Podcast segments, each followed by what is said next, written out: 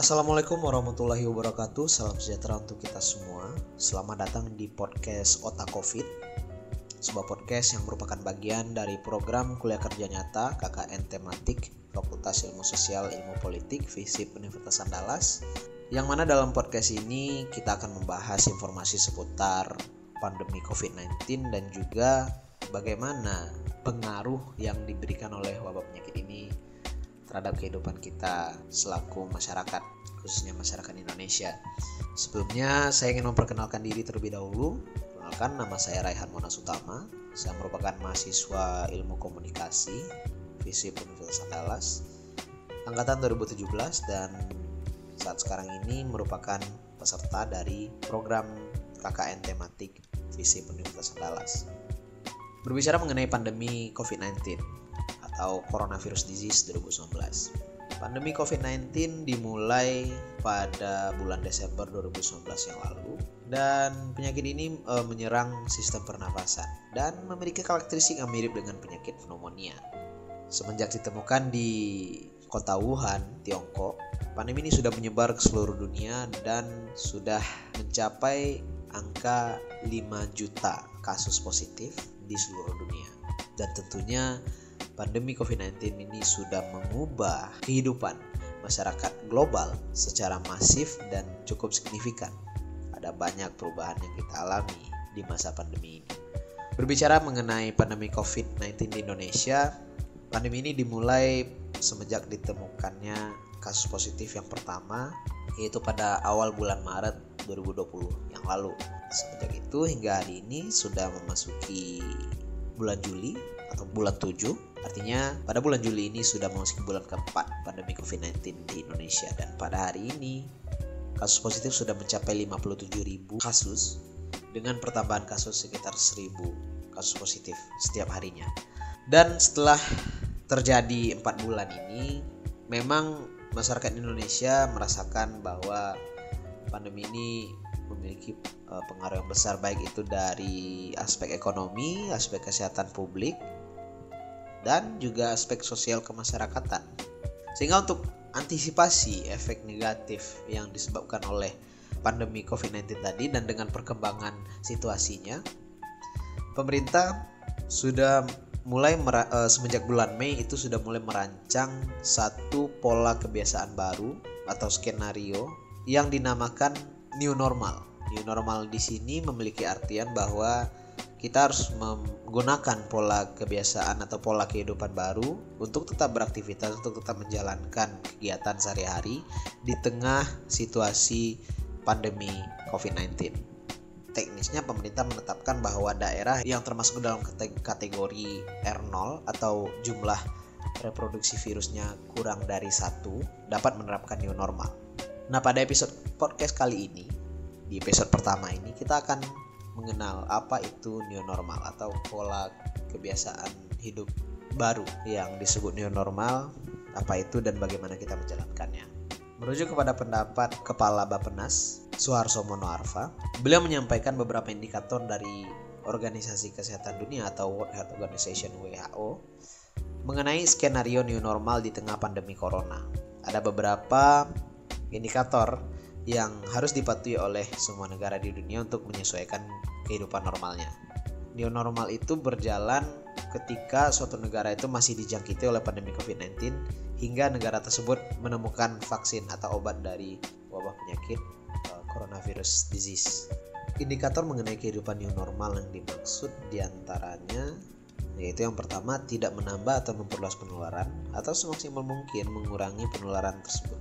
Jadi inti dari kebiasaan pola hidup normal ini adalah mencegah uh, penularan.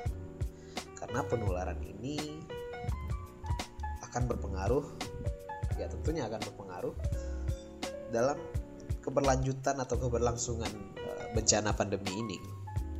Jadi semakin diminimalisir penularannya maka kasus positif yang baru akan semakin menurun dan menjelang kita uh, menemukan vaksin atau obat untuk penyakit ini setidaknya jumlah kasus positif dapat ditekan angkanya.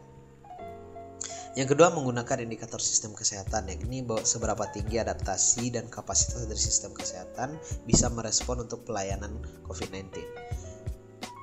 Ini memiliki artian bahwa kita harus mengadakan audit atau mengadakan pendataan mengenai apa itu rumah sakit atau fasilitas kesehatan ataupun kapasitas kerja tenaga kesehatan. Jadi kita bisa memetakan berapa kapasitas pasien yang bisa dirawat dan bagaimana uh, pola penempatan pasien. Jadi ketika pasien ini sudah termasuk kategori yang kritis ditempatkan di sebuah rumah sakit yang khusus menangani uh, pasien kritis dan dan yang memiliki gejala ringan dipetakan juga bagaimana penanganannya.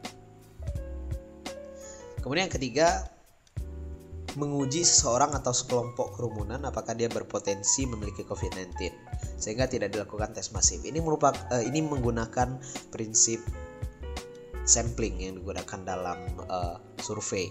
Jadi uh, ini dapat dilaksanakan dengan mengambil sampel secara acak atau random sampling dari orang-orang yang berada di masyarakat dan kita menguji si sampel apakah dia berpotensi untuk menjadi carrier pembawa penyakit ataupun berpotensi terjangkit dari uh, COVID-19 sehingga ini bisa dilakukan untuk menghemat biaya ataupun juga melakukan upaya yang lebih upaya yang lebih efisien dibandingkan dilakukan tes masif.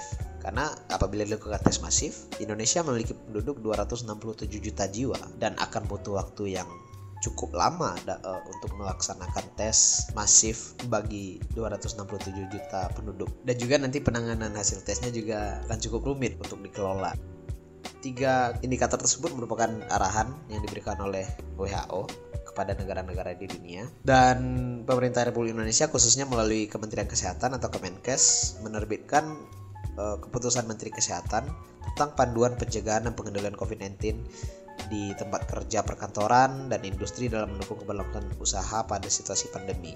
Jadi sejauh ini aturan yang dirilis oleh Kementerian Kesehatan secara resminya baru mengatur aktivitas di tempat kerja perkantoran dan industri. Namun melalui media massa, pemerintah sudah melakukan edukasi mengenai bagaimana kita menghadapi uh, new normal ini, bagaimana menerapkannya. Di antaranya kita harus tetap memenuhi protokol kesehatan, yaitu senantiasa menggunakan masker, mempertahankan kebiasaan cuci tangan dengan sabun, mengurangi kontak fisik dan menyediakan hand sanitizer dan juga melakukan sterilisasi dari uh, uh, terhadap peralatan yang digunakan dalam uh, kehidupan kita sehari-hari. Dan kemudian juga membatasi aktivitas yang melibatkan orang banyak, mengurangi aktivitas di luar ruangan atau di luar rumah, dan juga apabila tidak memiliki kegiatan yang begitu penting disarankan untuk tetap berada di rumah untuk ya mencegah penyebaran COVID-19. Untuk penerapan new normal sebenarnya di media massa itu informasi sudah cukup banyak diberikan baik itu mengenai cara penerapannya, teknisnya bagaimana kita menerapkan. Informasinya sudah cukup banyak. Namun memang ini kembali lagi ke kesadaran kita masing-masing sebagai masyarakat dan juga sebagai kesadaran pribadi kita untuk tetap menjaga diri kita sehat, menjaga orang-orang di sekitar kita sehat, dan juga sebagai bentuk kita mengantisipasi efek negatif dari pandemi COVID-19 ini. Karena menjelang ditemukan vaksin uh, untuk wabah penyakit ini, tentunya kita tidak bisa menghentikan kegiatan terus-menerus. Roda perekonomian tetap harus berjalan dan ya aktivitas manusia tetap harus berjalan sebagaimana biasanya. Namun di dalam situasi krisis pandemi seperti ini kita dituntut untuk menerapkan protokol kesehatan yang sebenarnya tidak tidak begitu repot apabila kita kerjakan. Namun dari hal-hal sederhana seperti itu kita bisa menjaga kesehatan diri sendiri dan juga menjaga kesehatan orang-orang di sekitar kita dan juga turut serta membantu upaya kita bersama untuk melawan wabah penyakit COVID-19 ini. Semoga informasi yang diberikan pada episode kali ini dapat bermanfaat dan kepada teman-teman senantiasa ingat untuk menerapkan protokol kesehatan, jaga diri, jaga imunitas tubuh. Semoga senantiasa kita sehat selalu dan mari kita bersama-sama berdoa kepada Tuhan Yang Maha Kuasa agar diri kita, keluarga kita, masyarakat kita dan juga negara serta seluruh manusia di muka bumi ini agar senantiasa dilindungi oleh Tuhan Yang Maha Kuasa. Tentunya berdoa sesuai dengan kepercayaan dan keyakinan masing-masing. Saya kira demikian saja untuk episode kali ini. Terima kasih sudah meluangkan waktu untuk mendengar. Saya Rehan Monas pamit undur diri. Salam kebajikan. Assalamualaikum warahmatullahi wabarakatuh.